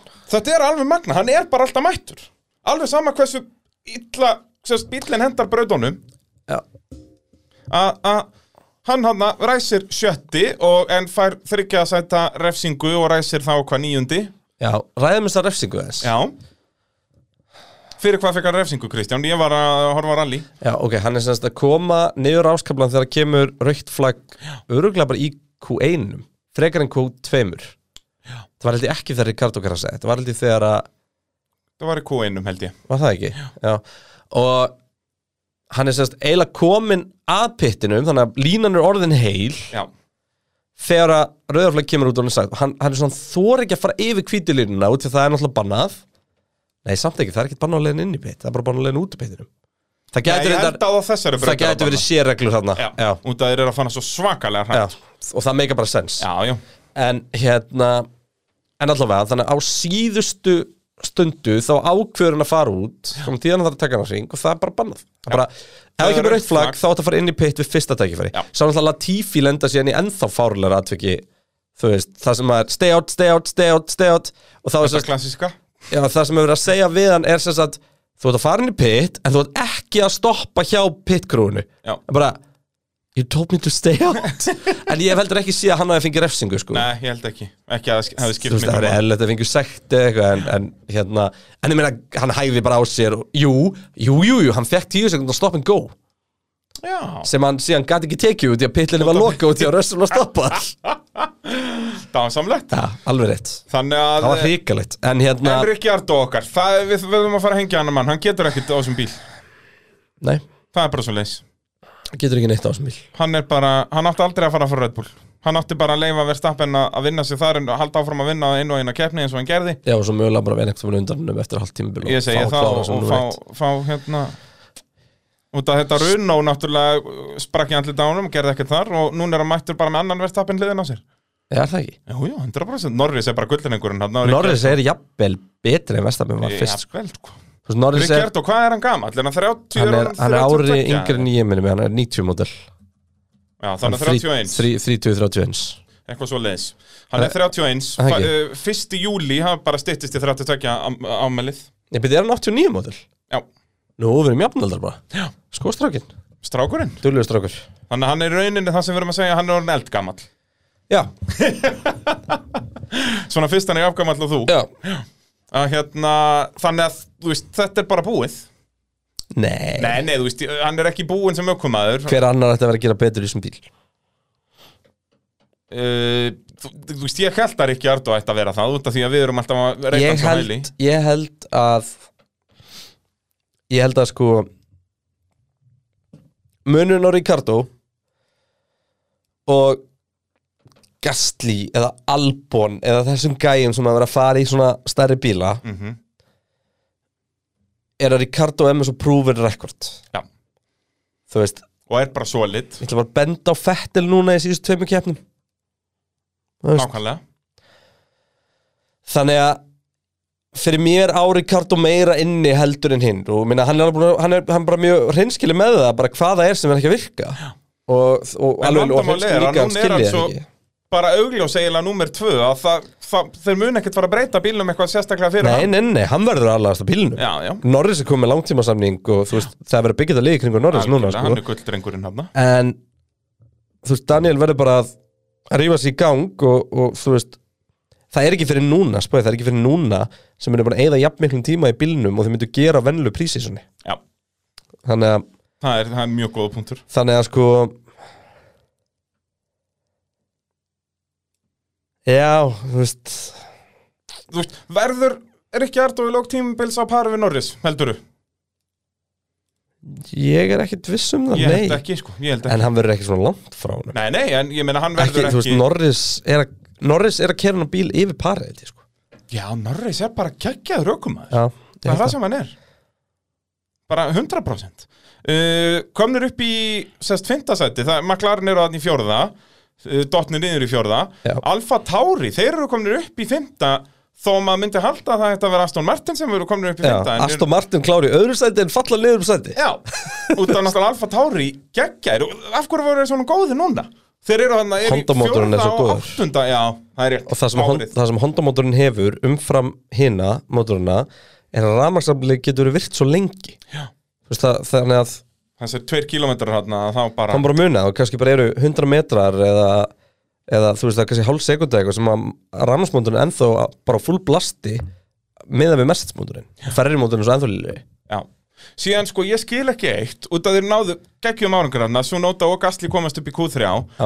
Af hverju gerðu Alfa Tauri ekki eins og uh, Mercedes að henda Sunota undir útuna út að Sunota var hvað sem er alltaf bara að fara að ræsa þarna 10 undir 9 Já, út í að líka þeir voru stiltur upp á brautinu til það sko. Ég veit það, og ef að bara sem nota hefði hægt á sér bara þarna um einhverja þrjár sekundur hann að þá hefði Gastli fengið bara geggja tó á beinakablanum og þú veist við vorum að tala um þetta á- hérna áðan, hann hefði sennilega bara náður áspól Já, hann hefði greitt þarna, En- hvað voru en- þetta, 0,6 sekundur eða eitthvað sem voru Já að hann var greiða að hann tala um sko hann var að tala um sko, að tala um að Hamilton hafi fengið alltaf 0,8 Já, nákvæmlega, þetta er náttúrulega svo fáránlega langur, þeir eru bara á hraðbrautina hann í gegnum bæinn, skilur, eða borgina að hérna, og það, þetta munna svo svakalega, þannig ég skil ekki út að þetta leit út eins og er ætluð að fara að gera það, eins og gerða er það bara ekkert Já, kannski ég, svo nota hafi verið brjálaður En ég meina Gasly var fjólblór tíma tökur svo eitt og eitthvað sko já, já Bara Bara- geggjaður geggjaður og þessi bíl verðist bara vera svona geðið mikið upp og niður Já, en ég meina ég fíla það hjá þessum já miðjuliðum miklu frekar heldur en að vera bara alltaf frekarleilur Já, þú veist, ef þú veist alltaf svona áttundasæti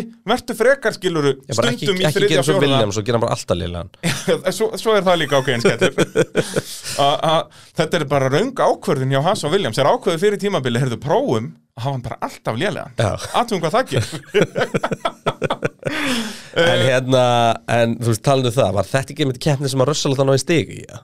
Jú, En alveg, eh, tökum þú við veist, þetta það er alltaf við segjum þetta alltaf En hérna, en sko, Gastli Náttúrulega bara geðveikur að klára í þriðasendi Og bara, þú veist, hann barði svo vel hann í byrjun Og minna, hann tapar hann að missa Peris fram á sér og eitthvað svona dót um, Það er mjög öðvitlega framúr Alltaf fjórðasett tímatökum án kjölsóks, geðveikt Mhm.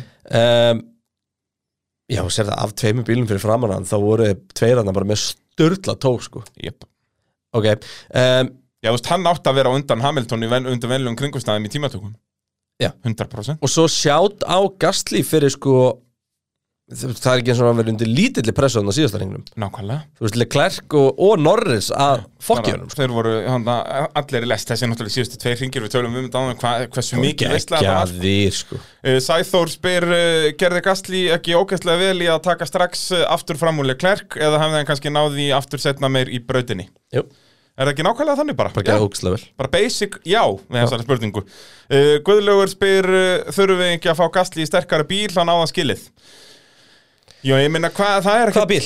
Ég segi það, Alfa Tauriin er Þú veist, hvað, ég kann fá Alpínin, hann græðir ekkert að fara til Alpín uh, Nei, Sainz tók ferri í sætið fara, Þú veist, ef að er ekki Peres- enda heldur svona Peres áfram er að ekki að taka fara, fara að hætta þar já, en, þú veist, þá getur hann alveg eins bara verið á Alfa Tauri nána sko.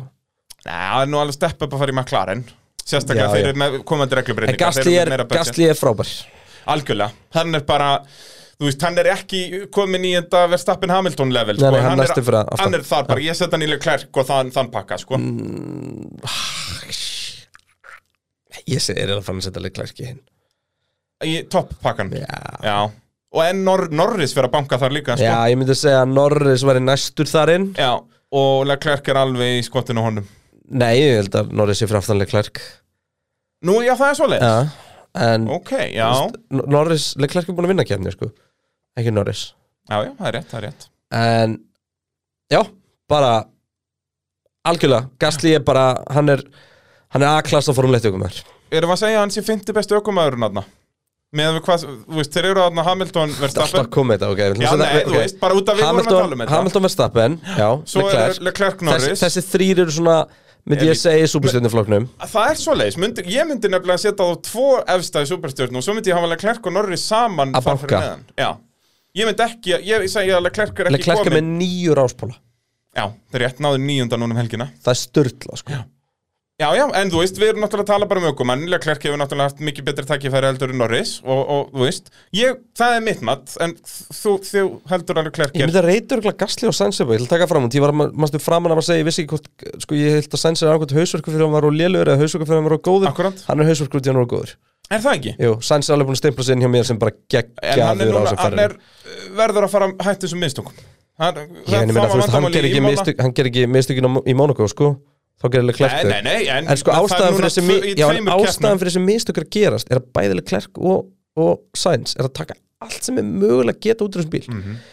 en bara, jú, Gasly er, Gasly er í topp top 6, topp 8 eitthvað Já, þannig, þú veist, hann er algjörlega. þar eitthvað þar uh, 100% saman var þetta Yuki, Já, okkar maður best, besta tímataka Yuki á ferlinum Já. sínum stuttaferli besta niðurstaða Yuki á sínum stuttaferli um, og besta attitút á sínum stuttaferli já, hvað er með það? Yuki, we need to push harder on tires. They are looking good now. We need to open the gap to Vettel.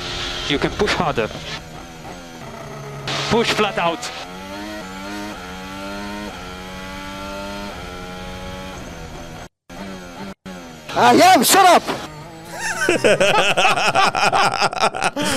Nú nú ætlum ég fyrst að fá að segja eitt sko, ég okkur finnst þetta fyndið Já, og krútlegt og dásamlega Hvað er skertið á Masipinni að sagt það? Ég væri búinn að hengja hann og brenna lík hans Það er bara eitthvað svo fyndin Shut up! Já, þetta, er- ég, ég mynda með Hann er krakki í freinkasti. Já, mér, lí- ég mynda alltaf að hann sé svona í fætt við svona gæja sem að sko, hann heldur bara svona í ennið á honum Já, og er þetta er geðveikt. miklu, miklu, miklu starri Já, og en samt er Júki endalist að reyna að kýla hann og bara á meðan hingaðin er svona ignoran bara einhvern veginn og halda bara svona í ennið á hann Þetta er bara henni þetta Ah. Ég hef ásamlega gaman að þessu gæja sko Heldur En betur. hérna, hann er náttúrulega bara ógisla hraður En hann er líka orðin ógisla mistakur Já. En það er ekkert skrítið því hann er ekki minna reynslu Já, já. Þannig að þú veist, Og maður vill hafa Akkurat- nýleðana þannig Já, þú Frekar veist- en að þeir séu eitthvað konsistentli aðna aðeins fyrir neðan sitt E, já. besta Frekar að fá þá í sko 105%-in og gera reglulega mistök en stundum verða þeir bara magikal ég man ekki hvað ég er búin að segja í pittunum Það er sem sagt búin að flytja Juki niður til hérna Fænsa Já, Og hérna, og hún finnst það fínt fyrir utan það Hann er svo pyrrar, hann sendur tvís og þetta er rektur ekki einu sinni En sérst, þar er hann bara að læra að lesa data betur og hann er Já, bara já. undir, undir uh, handleyslu tost akkurat, akkurat En hérna En sko, við stum alveg slaka á Í að missa okkur yfir sjöunda sæti Júkisson Nóta Já, já, við vorum Lewis að tala um það í Hamilton, síðasta Lewis þætti. Hamilton er fyrir aftan hann Valtteri Bottas er fyrir aftan hann Max Verstappen dettur út Ef að þessi þrýr hefur verið aðeinlega um stað Hver er hann endað? Árum eitt stygg Akkurat, hefur verið að missa okkur þá Nei, nei, við værum satt að segja svona, jú, flott að ná stygg Meða við náttúrulega, hann er búin að vera alveg agalegur í síðustu keppnum, sko Þú veist, Kom ekki bara öll stína sér bara inn eða eitthvað Ég held það, jú, jú Jú, hann er komið áttastinn núna Já, já, jú, jú, Og það var- sjönda setnu, jú, já, hann hefur fengið tvö í, í barinn Hann var bara í barinn og svo er hann uh, ekki búin að vera í stegum Algjörlega. En uh, Alfa Tauri geggjaðir hérna í 7. og 3. sæti og komin upp í 5. sæti í keppni bílasmiða Aston Martin sömuleiðis geggjaðir um helgina uh, Rendar þetta niður í 7. sæti en er nú komið 37 steg meðan Alpín þar fyrir aftan eru með 25 þannig að það lítur vel út við eh, svona höfum oft verið að tala um þennan slag út að náttúrulega Ferrari og McLaren verða þarna efst í þessu svo er þetta Alpín, Aston Martin og uh, Alfa Tauri Alfa Tauri Já, sko, ég ætla hérna að fá að byrja á að uh, Ég ætla að fá að byrja á að bara klára bara stról Þegar það verður mikið af spurningum með fettil Já, um, Aston Martin liði leit bara svona allt í lagi út í æfingum, ekkert merkilegt Stról gerir hann að mistök í tímatökum Og bara, ok, en þú átt ekki að gera þessi mistök í Q1-um sko Þú veist, þannig að það var lélegt ræsir aftastur á hörðutekjunum eða ég man ekki hvað aftastur er næstastur þannig að allavega þú veist annarkvort og, og hérna og þau síðan hvert springa þarna og bara við rættum þetta áðan þetta með spurningum dekkin ógeðslega skeri og bara geggja þessi lægi með hann ok, færum ykkur yfir fettil Já, húnni spyr hvar hann er stról endað ef hann hefði, ef það hefði ekki sprungið hjá hann Ég ætla að segja annarsventið nei, Ekki. ykkur að rugglaður hann átti eftir að boxa sko Æ, já, alveg rétt Ég var ekki að horfa, hættu þessu hann hefði endaði svona hann hefði endaði ykkur í kringum Juki Alveg rétt, ég var búin að stengla um hann byrjaði að hörðu Já. já, sem var áhugavert sjátt því Já, að það vill ekki geggja. gera því að búast allir við öryggspil í byrjun sko. Jep. það voru allir tilbúinir að skipta úr að hördekk við fyrsta öryggspil já. herrum, allavega, Stroll gerði bara allt í lagi og var bara Já, fín, hann var bara að gera fín hluti bara Bara komin geggjað. hann að, þú veist, bara var greinlega, þú veist já, ég veit ekki hvað það var að sinna dekkjunum sinna nægilega vel eða hvað, en allavega, hann, þú veist, náða að vinna sér bara vel upp og hjælt góðum hraða á hörðdekjunum og svona, hann var bara fínt þannig að færum okkur yfir Fettel já, og við erum með Vettel- alveg smekkaðar af spurningum Þetta er náttúrulega brjálaður yfir því, þetta er ekkert brjálaður, hann var ógislega svektur yfir rauðarflækinu í hérna í Q2 því að hann náttúrulega var svo nálega til að komast inn um, en þessi akstur hjá Sebastian Vettel Húi þetta var bara vintage Vettel í sínu besta formi því að meira að segja meira að segja áttu um hent aftur Hamilton, Verstappen ég meina, nei, það skiptir ekki máli, hann var bestur á restinni Já, Þú veist, hann var að enda í þessu fjórðasæti já, hann hefði verið fjórið Já. hann og undan Bottas, skilur Þeir hefði verið þrýr hann og undan honum já, að að bara störla og þú veist, Þú veist- akkurat og nýta þetta er það sem reynslan gerir þegar að svona ökumenn svo Vettel veit að hann er með góðan bíl undir sér þá, en við Þú veist, erum núna hann- búin að sjá vintage Vettel tvær keppnir í röðbræði já en á tveimur gödubrautum en ég, þú, já, en, en sko, það er eitt að það er eitt að bíllinn hafi allt í hennu verið betri og ég hugsa að hann verði aftur lélegri þegar við komum til Paul Ricardum um, algjörlega, um en að þannig stelgi nýta sér það já, en sko, hann pakkaði stróliðin bóðum já, hann er komið með eh, 28 stig í stigakefni hann var ekki með stig fyrir, Fyrir Monaco, sko. já. þú veist, þetta er, þetta hann, er hann, er, með, impressive hann er með stuff. fleiri stig út um Monaco og Baku heldur um Max Verstappen já, og Lewis Hamilton Ólúi Samveldón hann er með hérna- fleiri stig en Mercedes í, eftir, eh, já, það er rétt Eftir bæði Baku og Monaco Heyrðu, Þetta er styrlu starrend, ég elska hana En hérna, nei nei, en þú veist Ef við, ef við, bara, ef við bara horfum á bara, hvernig hann gerir þetta Þú veist náttúrulega Hvað fór hann? Fór hann ekki upp um fjögur sæti á fyrsta ring? Ég var í- upp, á, upp í kapillurhunni Hann fór held ég alveg örglega Jú, hann grætti helling, ég maður Hann var, eh, hérna, var hann ekki komin upp í Jú, meira, hann var hann ekki komin upp í sjötta seti eða eitthvað þarna Eftir fyrstu nokkra ringina Eitthvað svoleið, sjöunda, sjötta Þú veist, resti ellefti Þannig að, að já, hann var löðrandi léttur þar En, þú veist, er hann Ok, nú ætla ég að lesa bara nokkra spurningar Ingvar Pétur spyr, er P2 eh, sem sagt, annars þetta fyrir Vettel nóg til að keira hann í ganga á ný? Runnólfur Óli spyr, er þetta ekki uppreist æra fyrir Vettel? Einar Sigur spyr, er Sepp farin að kunna svo velvísi í Aston Martinum að við fáum að sjá hann aftur á palli? Dagný Rut spyr eh, hversu magnað að sjá Vettel aftur á velunarpalli? Sko ég, ég er náttúrulega bara Þetta er, þetta er ógeðslega flottur akstur hjá honum. Það sem að ég tek mest út úr þessu Var bara hvað gaman hjá honum Hann er náttúrulega bara the- aðal personality inn í formúlunni. Þannig að þetta var búið Yep. Yes boys, þú veist, það var, þetta var gamli Þetta var, þetta var vintage fett Þetta var Red Bull Vettelin, sko, Já. sem við fengum hann.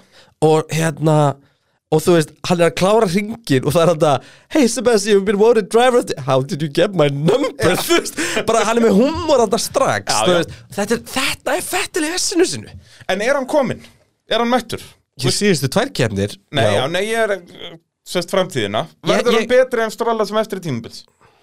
Eins og hann á að vera Ertu ertu að leita núna klippinu til þess að reka honum í haust? Já, Já, ég held það já, hann sem mættur, já Nema bara að hann höndla ekki mótlætið sem fylgir þegar bílinn er ekki aftur frábær Já, þú veist, ég ætla að segja nei, sko út að ég er margótt búin að segja að Vettel er búinn sem aukumæður Ég ætla bara að halda því áfram Já, ég bara verða, ég bara, verða Hann bara grísaði þess að tveikjarnir Nei, hann var geggjaður og þetta er það sem gerir Vettel góðan að þegar hann áttar sig á þessum tækifærum að þá nýtir hann sér reynslu Hann er og svo klókur hann er svo kló, akkurat þetta Það er eitthvað klókur. ógeðslega leðilt að keppa hann sko. Já, vita honlust Spurðu bara alla sem voru að keppi í Formule 1 frá 2010 til 2013 Og hérna, en, en síðan eins og, þegar, eins og þú segir Þegar að bílinn á brautunum sem verða svo gott sem alla brautina sem eftir er að við höldum, við vitum það ekki að þegar hann er ekki alveg lengur nógu góður að þá bara fyrir eitthvað í hausnum á hann En það er samt alveg líka spurning hvort Aston Martin hafi lært eitthvað af þessum tveim síðustu kefnir sem ég Já. geta haldið áfram með sko. Það er Mér alveg finnst mjög svo mikið. magna hvernig Aston Martin og Mercedes haga sér akkurat öfugt Algjörlega, meðan við allt Þetta er þá bara- hefðu ættu þeir að halda svo í hönd í Já, hönd sko. akkurat sko, en þetta er bara akkurat öfugt sko. Já. Þannig að þetta er, þetta er mjög spes Já. eða þú veist samt ekki það sem að, því að það sem að Fettel geri, í Mónaco sem að Fettel geri var bara að það, þegar hún þegar þið vantar besta aksturinn frá hann þá getur hann deliverað hann Já. hann gerði það alveg svolítið aftur þarna mm -hmm. en náttúrulega þetta er ekki eins og í Mónaco þar sem þetta snýðist bara um að ná einhverjum trilltum hringjum til að hoppa framfyrir og sláta af dekkjunum og halda svo bara til fyrir aftar sig sko. en þú veist, já þetta var bara impressiv klókur akstur, Sigurður Karl spyr hafa Aston Martin möguleika að ná þriða sætinu ef þeir halda þessu formi áfram nei, Þú veist, það er náttúrulega mjög auðvelt að svara þessu já út að hann segir ef þeir halda þessu formi áfram já, þú veist, ef þeir halda áfram svona já, þá- Fettel verður bara á öðru sæti í hverju keppna sem eftir já, er já, þá verða þeir í þriða En sæti nei. en nei, það er ekki séns þeir verða þarna í þeir, ég spái að þeir ná að vera á undan Alpín Í- já í- í- öruglega Alfa Tauri líka sko. ég er ekki viss þú veist, Alfa Tauri, þú veist, eins og í heldur að Alfa Tauri sé að þróa bílinn sinni eitthvað Nei, Ég reyndar veit heldur ekki hvað Honda-mótor, Aston er að þú veist, gera. í Abu Dhabi og þessum powerbrautum þá verða þeir svo svakalegir sko. á þessum powerbrautum Já. Við vorum að koma frá fucking Baku já, Já, er það ekki powerbraut? jú Og hvað var fyrir framann? Uh, Alfa Tauri Nei, Jú, sko- Vettel var í öðru seti Já, en þeir fengu fleiri stig Hleilur Nei, þú veist, það er Æ, ok, jú Og ég hefði En- frekar, en- en það ég hefði ekki frekar rétt hjá beðið um mér, Alfa Tauri inn í keppnina, sko Já, og bara, sem sagt, á, þegar við förum eins og á spa og svona, þú veist, heldur Alfa Taurin verið ekki betri þar heldur en Aston Martin Aston, þú veist Samkvæmt öllu sem að ég viss um Formule 1 fyrir ett tímabil Þá var átti spa einmitt að vera fullkomin braut fyrir Aston Martin sko.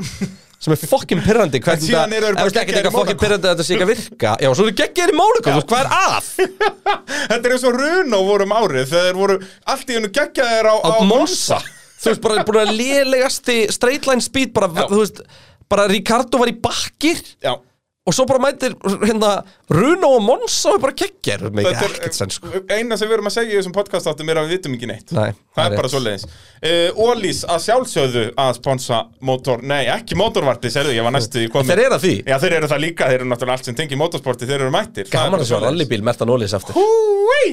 Það með torfarabíl líka er það ekki?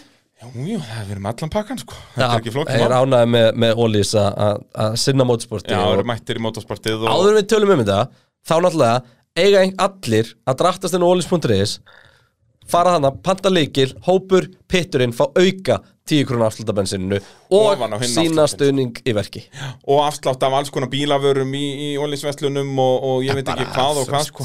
og náttúrulega svo allir hinn er afsláttirnari þá ferði vinnahópur, bara vinnahópur.ólís.is og uh, skella þér á líkilega, kostar ekki neitt og það náttúrulega hjálpar okkur líka skilur það þegar að þeir sjá, heyrðu, það eru bara allir að fá sér pitslíkil maður Já, bara mót, mótsport er málið Ég, nákvæmlega, það er, það er nákvæmlega svoleiðis og þess vegna eigum við að fara out of our way til að vesla við þessi fyrirtæki sem er að styrkja motorsport ja, Samanlega Það er bara svoleiðis uh, En þá náttúrulega erum við að tala um óvinni helgarinn og það er að óvinnir þurfa að komast í Já, vinnahóp ég sé að þú er komið með hugmynd, sko Já, bara sko Pirelli og Verstappen Nei, þú ert með þetta alveg vittlust Nú, Ég var að fatta að þetta er ekki flókið já, já Þetta eru þetta Horner og Wolf Heyrðu, það er enda Þeim er fannir að kalla hvernig annan hérna, windbag Já, og bara heyrðu, og hérna það er enda shut rétt. his, shut his mouth og allan The- pakkan The gloves are off The gloves are off, sko Tjútur er Þetta er drættur svo ef gómsætt maður Húi Og það er ekki, þú veist, þetta er bara, það er En bara ég hvað, elska sex keppni búnar Já, og ég elska þetta svo mikið út að við erum með hans slag Ég veit það, þetta er eins og Ron Dennis og Ross Brón í galanda, Já, sko nákvæmlega Og Sean Tott og allir og, Þetta er bara Og svo kom Eddie Jordan með bara báða putta á lofti eins og fljúandi leprechaun en uh, já, það er uh, þetta er gott sjátt að þeir eru, eru þá ofinnir helgarinnar og þurfa að komast í vinnahóp Ólís, uh, þá ætlum við að tala um Alpine Renault Renault, Alpine Renaultin uh, aftan í Alpineinum ekki að gera gott mót Ég fer hann til Alonso sjötti já, en náttúrulega hann sprakk í loft upp hjá okkur Já, bara eins og gerist já, það, Sprakk líka Mercedes hjá, hjá uh, Williams góða punktur en uh, Alonso, geggjaður Sko, Alonso var tíundi endur þessu okkurni já, Hann var bara geggjaður í tveggjar hingar sprintkefni hann vil meira af þessu Hann er, sli- hann er, hann er hátt sem átt hvenar fáum við sprintkeppni? Er ekki Silverstone fyrst? Var það Silverstone fyrst? Jú. Já, þetta var hvað, þetta var Silverstone Var ekki Brasilia í þessu? Ég- Brasilia var svona þessi óstaðfesta Hver er aftur nummer tvö? Ég er hreinlega búin að gleyma því. Ah, hver er dottir Var út það um þessu? Monsa? Nei, það er það sem ég vildi, minni mig. Uh, en Alonso, já, ræsir níundi, kemst inn í Q3, bara gúr með stöð, þegar hann ræsir þá ræsir hann ekki áttundi út af refsingunni á Norris. Já, Er níundi í tímatökum og klárar sjötti og er þá komin upp í 11. sætið í, í heimsvæmstaramótinu með, með 13 stig og er þá komin fleiri stig en Okkon í, í fyrsta skipta þessu kemnistímabili. Og Alpín hann með 25 stig, þeir eru ennþá alveg í þessum slag þó er eru núna komnir hérna 12 stegum á eftir Aston Martin en, en það, það er Monsa hafi mann sá Já. uh, en þú veist eins og á Paul Ricard hvar verða Alpín þar? í, Þið verið í Fraklandi, Er, það er rétt, Heima, heimalandir heimalandur komin með bláan bíl og hættir þessu Já, já. gula kjæftaði maður frakkin ekki sáttur sko. Viva með la þetta gula. Fróðan Hú, en ég nefnilega held að Alpín verið góðir þeir voru komnir vel í að þróa bílinn fyrir göttubreytina sko, eða sem sagt- Það voru finnir í Portugal og Spáni sko. Já, þannig ég held að þeir verði í rauninni betri en Aston Martin og Alfa Tauri á, í Paul Ricard Já, það er alveg að sjátt sko. Og okkur á heimavelli segja það, og... nær í áttunda sendi eitthvað svona skilur Já, það verður ekkert meina það Nei, það, er, þeir það, ná er ekkert, það er ekkert að frétta þann Nei, ég meina- Alpin er eiginlega orðið leiðilegast að liða á grittinu Það er bara einhvern veginn Þú veist, Alonso er ekki að rífa kjaft Það er að fyrir ekkert fyrir okkur Þeir eru ekki að keira og neitt Það verður neitt vesen Það er ekkert að springa Það er Já. engin það er, Þú veist, veistu henni sem hver er liðstjóri hjá E? þeim? eða? Nei, Va- eru þeir komni með leifstjóra? Var þetta ekki Það eitthvað svona hlýtur að allir með vera. öllum þarna? Jú með minni það En þú veist, Cyril Abedubul var alltaf að rífa kjaft Ég og segi það, eitthvað já, svona ég er og þú samanlega, veist- þetta er góða punktur, það er ekkert að frétta það Nei, þeir eru bara einhvern veginn bara með Það er svipað með Alfa Romeo og Racing Ferrari Nei, en þar er þeir eru Kimi náttúrulega með Räikkönen. Kimi, Já, þeir eru með Kimi, sko og þú veist, og, og miklu áhuga það er fullt af áhugun hluta með ferri tengingun og allt það sko. Já. en þú veist, ekkert að frétta heldur hjá Alfa Romeo um helgina, Giovanazzi náttúrulega bara krassar hann í, í tímantökum nær að vinna sér upp í 11. sætið Já, solid. Kimi nær í sitt fyrsta stig á tímbilinu þeir eru konum með sikkert stíð Já, Og Giovanazzi bara- hérna náði eða reyndi þarna eins og Russell að setja hörðutekkin undir strax þarna en eh, já, nær ekki í stig en, en eh, tók hann annað pitstop Já, nei, Það er að vera í öllum þessum örgispílum og drastli Nei, já, en hann hefur bara tekið það þar, maður eins og ég er að kíkja hérna á þetta G.O. En uh, eins og þú segir, þeir komið með sikkvort síð uh, og Alfa Romeo náttúrulega eru mun betri en bæði Williams og Haas þannig að þeir eru bara í góðum málum í þeim slag en eru náttúrulega ekki að fara að blanda sér við Alpine og Alfa Tauri og Aston Martin Öll aðein, það er öll lið byrja á A þetta tímabil, Eru- við erum með tíu lið og ég held að sex er að byrja á A Þetta er agalegt Já. Þetta er bara árás Sko, ja, það, er- það er brass uh, Williams, ef við ekki bara henda okkur beint í þá eða ætlar ennþá að googla þetta, hver er mér ekki drull hvernig Giovanazzi fór inn í pít Það er Nákvæmlega Uh, George Russell, uh, þeir náðu að skipta hann um vélhjánum, þannig að hann uh, kvalifæðar 15. Og svo klikkar eitthvað inn í endan Ég var ekki búin að Já. lesa neitt um hvað var, sko Ég veit ekki hvað hann er að tala um, sko. Hann fór inn í pittana Alveg rétt, Í já. endurræsingunni Já, hérna, það við fangum spurningu frá Hauki Sindra. Uh, hvað kom fyrir hjá Russell undir lokin? Af hverju kláraði hann ekki reysið og uh, var ekki sens að Williams hann á uh, stígi í endurræsingunni? Jú, jú, þetta er, eins og vorum að tala um, þetta er svona eitt af þessum reysum sem að Russell hætti að ná stígi. í. En hann sjá, fær bara ekki Sjáðu stígi. með Russell, skilur hann, hann er bara 15. í tímantökum Fekk náttúrulega ekki tó í, í Q2 sko. Það var bara lýsvölega en dóttin út Og hann Yep. verður bara ekki að fá út og reyna að finna eitthvað pláss sem að fækka sér tó sem er vitavanlaust, sko. Ég held, í það, fyrir, það er eitt ja, Klárum, klárum hans og við komum með eitt svona sem ég held Já, við Það erum er náttúrulega með uh, dásamlega spurningu frá hann Arnari Dór Uh, uh, Við þurfum aðeins að tala um það að okkar maður Mazepin uh, kláraði keppna á undan Hamilton sem er hárrétt Nikita Mazepin að gera stórkvöldlegt mót er ekki, er ekki eina sem við þurfum að ræða þarna er bara þetta move hjá Masabin á Schumacher niður, niður Er, lokakampan Já, sæll, það ætla alltaf að sjóða upp úr þarna maður Já, Það er bara svo leiðis að, að hérna Og Mazepin hann er alveg þekktur fyrir þetta, var að gera þetta í Formúlu 2 líka, sko, hann bara liggur við beigja inn í hliðina á fólki á 300 km bara svona sem maður myndi gera í tölvuleik sko, Já, þetta er svona þú þegar veist, maður er pyrraðar í þegar fífl. Já, þetta er svona þegar maður er sérstaklega að keppa bara við AI eða svona Já. og bara, já, já, hann, ég veit að ef ég fer bara fyrir hann bara hægir hann á sér. ég segi það sko, Já. Mhm. þetta er svona þannig múf uh, Agalett og náttúrulega Sjúmakker var hann, hann var í baslegaðninni pittnum með það ekki, þeir fest ekki dekki undir bílinn hans Ég var ekki dekk Jú, maður sá það alveg á Já. yngarinn og Það það var- var voblaði svona bara og voblaði þeir smá, já. spottuðu það líka og stoppuðu hann Já, já. sérst og bara ítt honum aftur inn Já, það var, það er það var dásamlegt pínu, pínu bröðsöld En hérna, það var, ég las ekki þetta hefur verið fín helgi á Masabin Sko, Masabin var komin 20 og sekundum eftir Schumacher Já, já, hann- þegar hann fór út af hana Já, já Hann er bara alveg að bliðlegur og hann hefur verið sko Já, og svo alltaf núna eitthvað eitthvað slúðisugur um það að hann sé að fara í herin og eitthvað Massipin, já, Já, já, það er frábært það er eitthvað svona að tala um þú veist, það voru strax byrjað að segja eitthvað, þetta væri bara svona graceful exit Já, já, eitthvað, Já, ég bara, ég þóli ekki hennan mann, ég nenni ekki, ég er eiginlega hættur en hann að tala um hann, sko Ég veist, við erum að tala um að allir hann að hini ferrika en sko eru á kantinum Já. Þú veist, Og þeir eru geggjaðir, Iliot og allir þessi kallar sko. já, það er bara svo mikk, skilur Svartsmann og Já. hvað er heitt allir Uh, hann uh, En En já, ég ætla að nefna eitt eitt tala um Ég eitthvað ætla að nefna hérna með tímantökurnar uh, Leclerc náttúrulega varð fremstur í setni hófnum Þetta Já. er náttúrulega hvað, fjórða, fjórðu tímantökurnar í röð sem að ráðast á fyrirringnum Já, það er bara Hversu búið að vera mikilvægt- þannig oftar en Já. ekki En hérna, hann hefði alltaf farið út af í 15. byggu Mm. Læst aðeins, kert aðeins og langt, gulflögg, hringinir er öllum óndir Bara bing, bara búm, það er ekkert aðstofulegs, hann var fyrstur út Sko, hann reynda fór ekki fyrstur Ekki, Bottas fór fyrstur, sko ok En En maður stu þetta er- hæðið svo mikið á sér og Leclerc á endanum fór framur honum og ég skildi ég myndi ekki akkur Leclerc beigði ekki bara og hreinlega blokkaði þá svo eftir sig þegar fólk var ekki að fara að ná að byrja að ringu þegar Bottas alltaf að fá, fá nýja ringi Það væri geggjað, ef þú væri fremstur og er, ég er að ráspáli, ég ætla að taka, bara takið þið fram úr ef þið viljið ná ring Já Það er alveg máli, bara Þannig að gera þetta nógu myndi svo í djöfillig Monza þarna hægt sko. bara. Já. Bara eitthvað tveið þrý sem ná að hefja hring sko. Já, já, og, þá, og ekki menni tó og ekkert að gerast, þannig að engar áökjur Nei. En þú veist, En hann alla náttúrulega þurfti þess ekki sent sá um það eða hver var það ekki svo nota sem byrjaði að fara í vegginn hann Jú, Juki og svo sent Já, þannig að þeir sáum þetta fyrir kallinn Já, Laurandi Léttur, eh, Arnar Dór náttúrulega líka með eh, gullfallegt komment hérna Takk fyrir frábært pub- pubquiz síðustu helgi og takk fyrir skrúfsettin Því hann náttúrulega vann pubquizið okkar maður Uh, það er alltaf gaman að hlusta á ykkur á Viaplay En maður saknaði bíahundsins þessa keppni Ég vildi hafa þetta með ég meina, netheimar loga yfir mér þannig að Já, nákvæmlega. það er Þetta greinlegt fer að allt fólk fjandans vill leið. mig ekki, það Já, bara vill bara braga Það er um leið og, og ég er ekki að tala um grænlenska hafverðni og eitthvað, það fer þetta allt fjandans til eins og Það við er vitum. rétt Ég held mig alveg frá dýrunum þessa keppnina Já, var engin vestur íslensku vatnaböfali eða, Nei, eða, þú veist, Argentísk alltilópa eða eitthvað svona Nú, heyrðu, þetta er gott sjátt, ég ætla að hendi þetta í næstu keppni uh, Ívar Örn spyr uh, Getið þið tekið smá vangjahorn uh, sem, sagt sem breytist fyrir næstu keppni Framvangir, afturvangir og af hverju er verið að banna þetta? Sko það er ekki verið að banna neitt Nei, það, það er bara verið að segja að það Hvernig núna veit verið fylgst með og það var mjög áhverð þú eru konn með hann að punta á afturvængina til þess að geta fylgst með hversu hreyfingunni. mikið er að sveigjast í kamerum Já.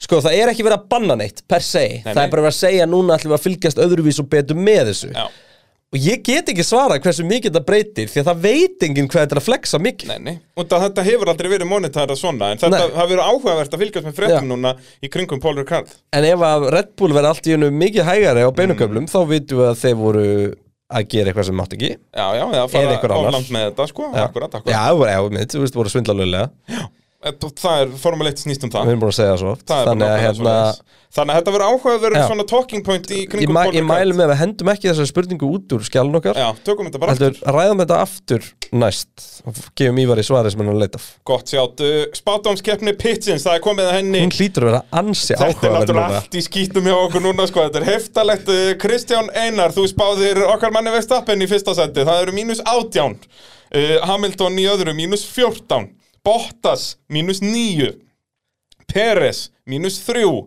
Norris, fymti Pá, null Leclerc, mínus tvö ja, Því að hann var í fjórðarsætið ekki Akkurat, Já. ja. þetta er ekkert mikið skar á ég mér Ég er með Hamilton efstan, þannig að það er mínus 15 Verstappen annan, mínus 17 Bottas, sam og þú, mínus 3 Peres, sam og þú, mínus 3 Nei, Bottas minus nýju Mínus 9, segi ég Og svo er ég Norris líka Pá!